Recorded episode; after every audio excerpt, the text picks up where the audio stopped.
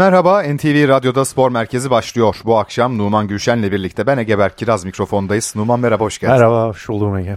Ee, hafta sonunu geride bıraktık bir derbi ve derbinin üzerine hemen gündem biraz daha saha dışına yani hem saha içine hem de saha dışına diyebiliriz herhalde ee, kaydı. Beşiktaş'ta yeni dönemle birlikte biraz daha pozitife dönüş olur mu diyorduk ama e, pek öyle olmadı. Derbi pek iyi geçmedi Beşiktaş için. Bir de üzerine bugün 5 kişi 5 futbolcunun kadro dışı kaldığı açıklaması yapıldı. Kim bu oyuncular? Hemen söyleyelim. Tabii. Abu Bakar, Rozier, Erik Bayi, Gezal ve Jan Onana. Ee, şimdi perde arkasından yaşananlarla birlikte aslında biraz değerlendirme ve yorum yapmak istiyoruz. Hı hı. Ee, biraz hem performans düşüklüğü sebebiyle hem de aynı zamanda takım içi uyumsuzluklar nedeniyle olduğu belirtildi açıklamada. Evet. Bu açıklama ve bu karar sana ne anlatıyor? Derbi mağlubiyeti bence işin son noktası oldu. Ee, yeni yönetimin zaten bir müdahalesi gerekecekti bu takıma. Sezon başından beri işlemeyen bir e, durum var. Bir takım var. Dolayısıyla yeni yönetimin yapacağı ilk müdahalelerden biri kadroya dokunmak olacaktı. Nitekim bunu aslında hem Samet Aybaba'nın futbol takımları genel koordinatörlüğüne getirilmesi hem Feyyaz Uçar'ın yönetime girmesi onlarla beraber bir değişim söz konusuydu bence. Ve dediğim gibi derbi mağlubiyeti de bu işin son noktası oldu. Aslında niye son noktası oldu? Çünkü öyle bir elbette ki derbiyi kaybedebilirsiniz.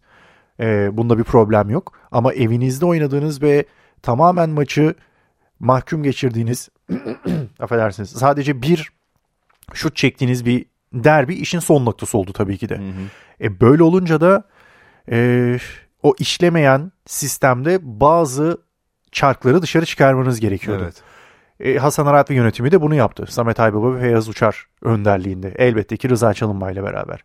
E bunlar kim? Aslında hepsini tek tek değerlendirecek olursak. Abu Bakar. Zaten bir önceki dönemini hatırlayalım. Hadi Hı-hı. ilk dönemini geçtik. Hı-hı. Bir önceki döneminde de zaten benzer problemleri yaşamış Yine olduğunuz vardı, evet.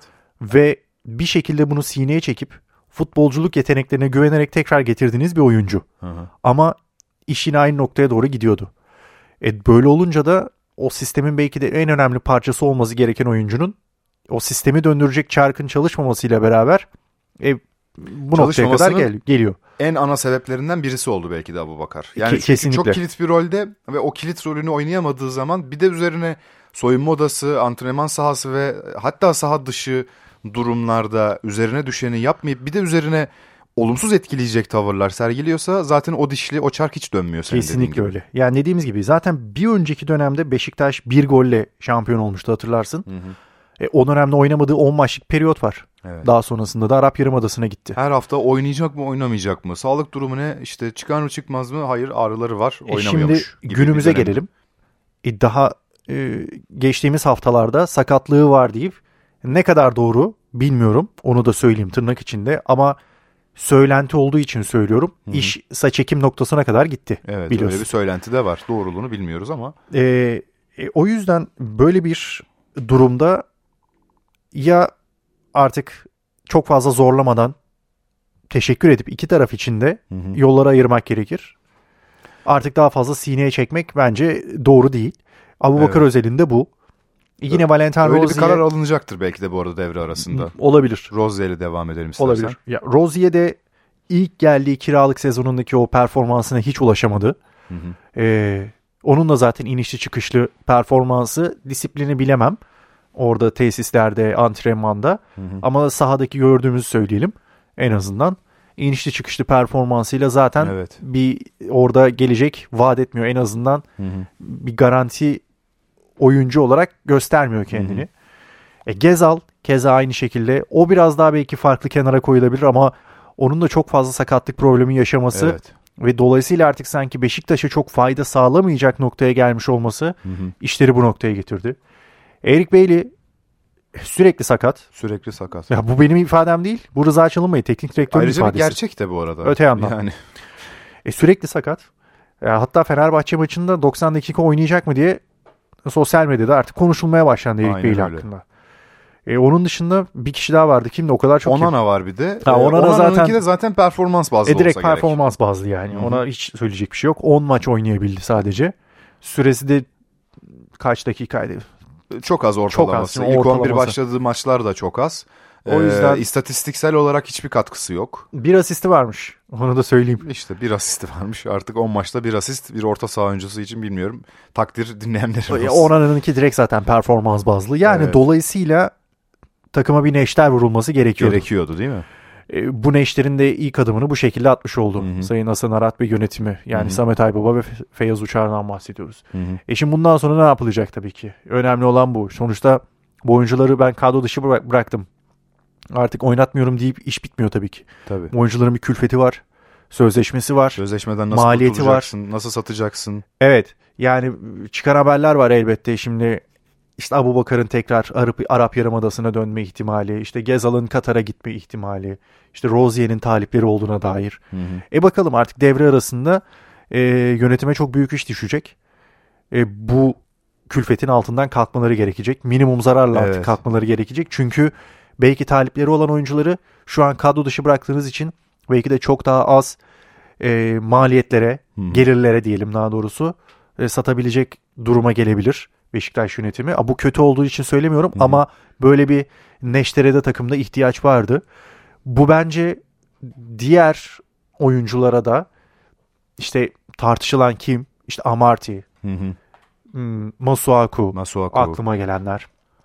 İşte Muleka tartışılan oyuncular. Hı hı. Bence onlara da bir gözdağı olacaktır diye tahmin ediyorum. Bunun için de bence önemliydi. Kesinlikle. Geride kalan oyunculara da kadro dışı olmayan oyunculara da bir mesaj niteliğinde olsa gerek bu. Bence olacaktır. Hı hı. Bundan sonra tabii ki de e, en büyük işte artık Rıza Çalınbay'a düşecek. Evet Rıza Çalınbay demişken e, geçici daha doğrusu geçici yanlış bir tabir. Biraz daha kısa süreli bir kontratla geldi Beşiktaş'a. Beşiktaş'ın efsanesi işte e, tecrübeli bir teknik adam vesaire ama biraz taraftar ondan da bir bir şey bekliyor. Yani tamam Elbette ki sakat yok tamam Evet. takım kötü kuruldu her şey tamam diyorlar ama Rıza Hoca sen de bir şey yap. Yani Aynen öyle. bahane üretme biz en azından iyi bir oyun izleyelim gibi bir anlayışı var Beşiktaş taraftarının. Rıza Hoca'ya da bir mesaj olabilir mi sence? Yani hani kadro dışı kalmak kalması Rıza Hoca'nın tabii inisiyatifinde değildi anladığımız kadarıyla açıklamadan Samet Aybaba'nın bunu e, başlattığı yaptığı söyleniyor. Ama Rıza Hoca için de acaba kontratının bitimiyle birlikte yola devam edilmemesi anlamına da geliyor olabilir mi? direkt bir mesaj olduğunu zannetmiyorum ama ona çok büyük iş düşeceğini zannediyorum artık. Hı hı. Çünkü Fenerbahçe maçı sonrası veya Avrupa maçı sonrası hep eksiklerden bahsetti.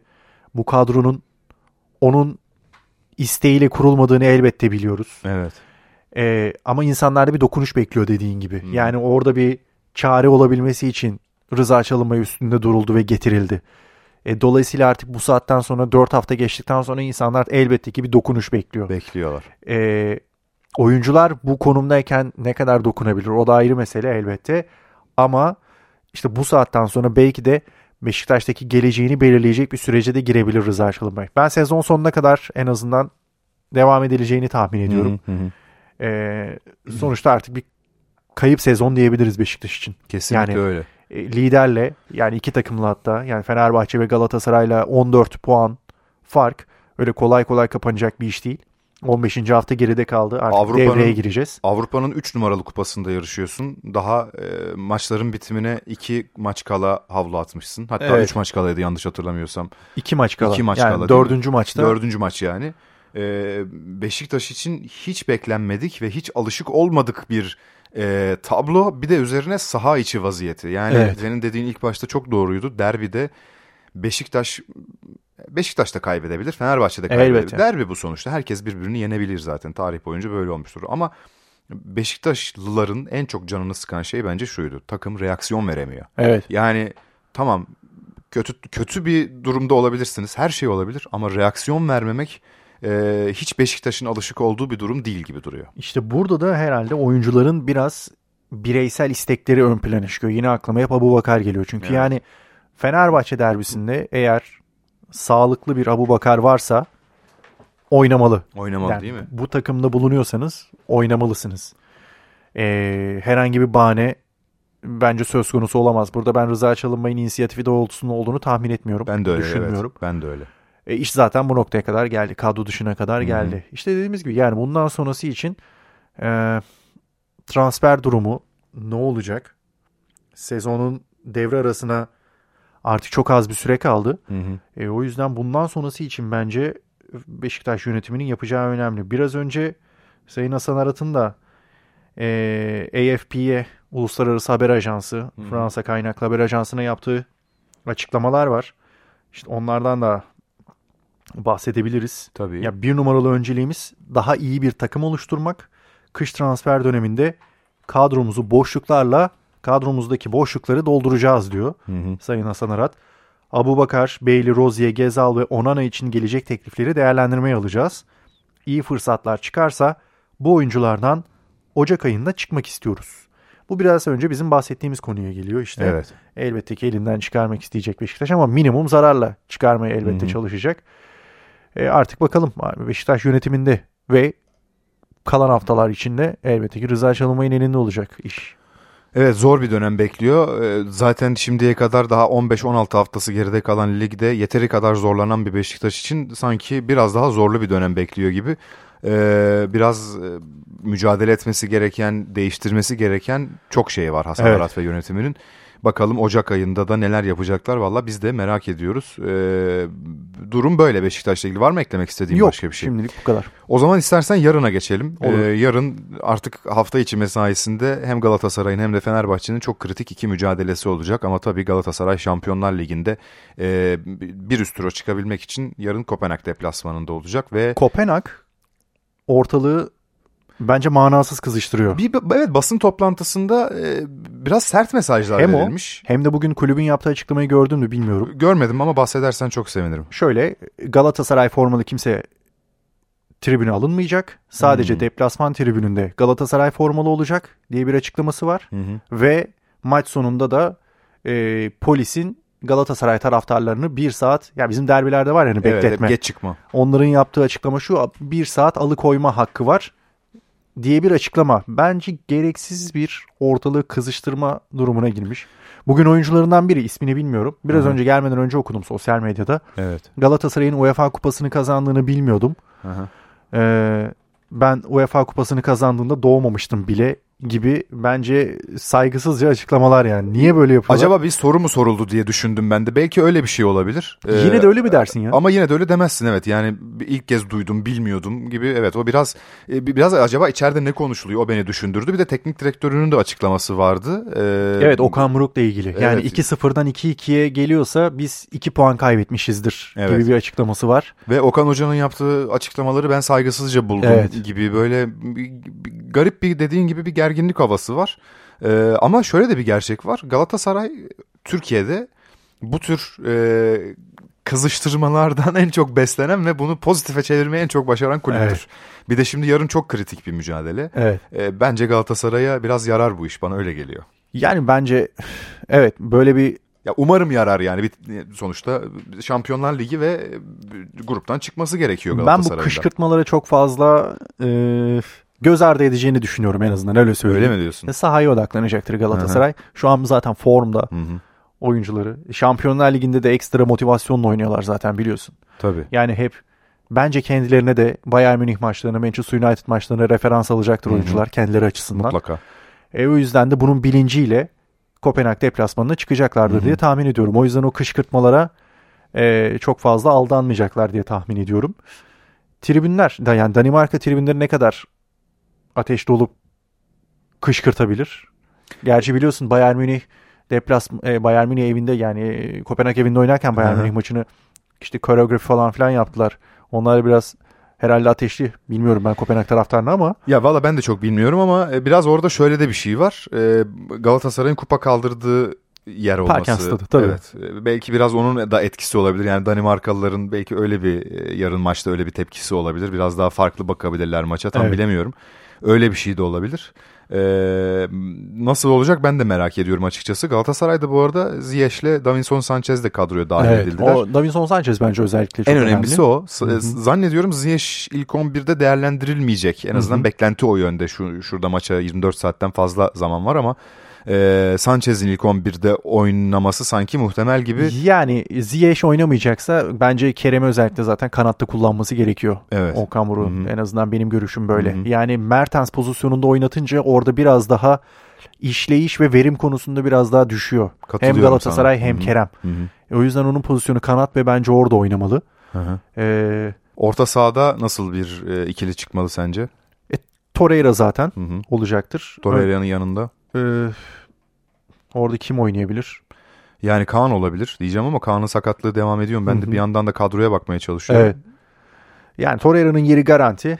E, bence Mertens oynamalı. Hı hı. Forvet arkası olarak. Hı hı. E, zaten Icardi. E, kanatlarda Kerem. Sol yani Zaha ve Kerem ikilisi olabilir. Evet. E, onun dışında orta sahadaki ikinci Torreira'nın yarın oynayacak ismi onu bilemiyorum şimdi. Hı hı. Ama zaten Biraz daha zaten maça doğru yarın iyice netleşir. aynen öyle biraz daha var. Abdülkerim'in sakatlığı geçti mi? Abdülkerim'in sakatlığına şu anda kadroyu ben bulamıyorum çünkü e, önümde henüz açılmıyor ama az sonra söyleyeceğim sana. Peki. Ee, yani dediğim gibi yani bu kışkırtmalara çok fazla e, kulak asacağını zannetmiyorum Galatasaray'ın. Tecrübeli ve bence kendisini kanıtlamış bu sene Şampiyonlar Ligi grup sürecinde bir takım var. Ee, o yüzden de ben işlerini yapacaklarını ve oradan e, bir galibiyetle döneceklerini tahmin ediyorum. Evet bu arada Abdülkerim de kadroda. Hı hı. E, çok bir eksik yok yani öyle Ee, söyleyeyim. Abdülkerim, Sanchez ikilisi. Hı hı. E orada ideal ikili zaten. Oynayacaktır diye tahmin ediyorum. E sağ bek zaten Sasha Boy. Sol bek Angelinho mu olur? Yoksa Kazımcan'ı da denedi biliyorsun Evet zaman zaman. Kazımcan'ı da denedi ama biraz belki tecrübeye gidebilir burada yine Angelinho'ya gidebilir diye düşünüyorum. İşte orada belki defansif hı. konusunda problem yaşamamak için bilemiyorum şimdi yani en azından. Daha zaten maça da var biraz. var evet. Ee, o yüzden yapılacak. Tabii o- o- onlar belli olur. Şimdi son iki dakika gibi bir süremiz kaldı. Tabii. Bugün bir tane daha ayrılık yaşandı Süper Lig'de. Sana onu sormak istiyorum şu kalan kısa zamanımızda. Evet. Ee, Alparslan Erdem Karagümrük'ten ayrıldı. Ve hemen üzerine de Şota Şota. Arvelatse'nin tekrar Türkiye'ye döneceği prensip anlaşmasına varıldığı açıklandı. Ee, ya inanılmaz bir seviye. Şu anda Türkiye'de e, yolların ayrıldığı teknik direktör sayısı giderek artıyor. Şöyle Ya üç söyleyeyim takım sana. mı sadece? 6 takım 6 mı? sezona başladığı teknik adamla yola devam ediyor. Yani İsmail Kartal, Okan Buruk bunlara dahil. İlhan Palut, İlhan Nuri Palut. Şahin, Volkan Demirel ve Servet Çetin. Ee, Bu 6 hoca. Evet yani Hatay Spor'da da işleri iyi gitmiyor ama orada biraz da maneviyat var ne kadar. Evet. İlerlersin. Volkan Hoca kolay kolay bırakmaz gibi görünüyor eğer kulüpte Evet. bu yönde bir karar alırsa. Yani ben şaşırmıyorum tabii ki. Değil mi? Ya Ben de inanılmaz bir sirkülasyon var teknik direktör Artık konusunda. başımız dönüyor yani. Yani mesela e, kuralı biliyorsun bir futbolcu bir sezon içinde üçüncü takıma transfer Gidemiyor. olamıyor. Hı hı. O yüzden bence böyle bir kısıtlama da getirilebilir. Yani çok fazla çünkü sirkülasyon var. Hem takım için getirilmeli hem de o- bence hoca için getirilmeli. Hoca için de yani çünkü takımlar da şimdi üçüncü teknik adamını da getirebilir mesela. Evet. Yani ki getirdi Be- Beşiktaş örneğin. Evet. Ee, ama işte mesela kim olabilir? Bugün kulübünden ayrılan bir hoca tekrar başka bir kulübe imza atıp 3 hafta sonra onunla da yolunu ayırıp sonra bir daha başka Tabii, bir kulübede. tabii. Yani hani bir hoca da bir sezon içerisinde 3 takım çalıştırdığı oluyor alt ligden veya üst ligden. Bence bu da bir açık ve buna da sanki bir el atılması gerekiyor gibi geliyor bana. El atılacak çok şey var Türk futbolunda. Bakalım neler olacak. Aynen öyle. Numan çok teşekkürler. Ben teşekkür ederim. İyi akşamlar İyi diliyoruz. akşamlar. Hoşçakalın.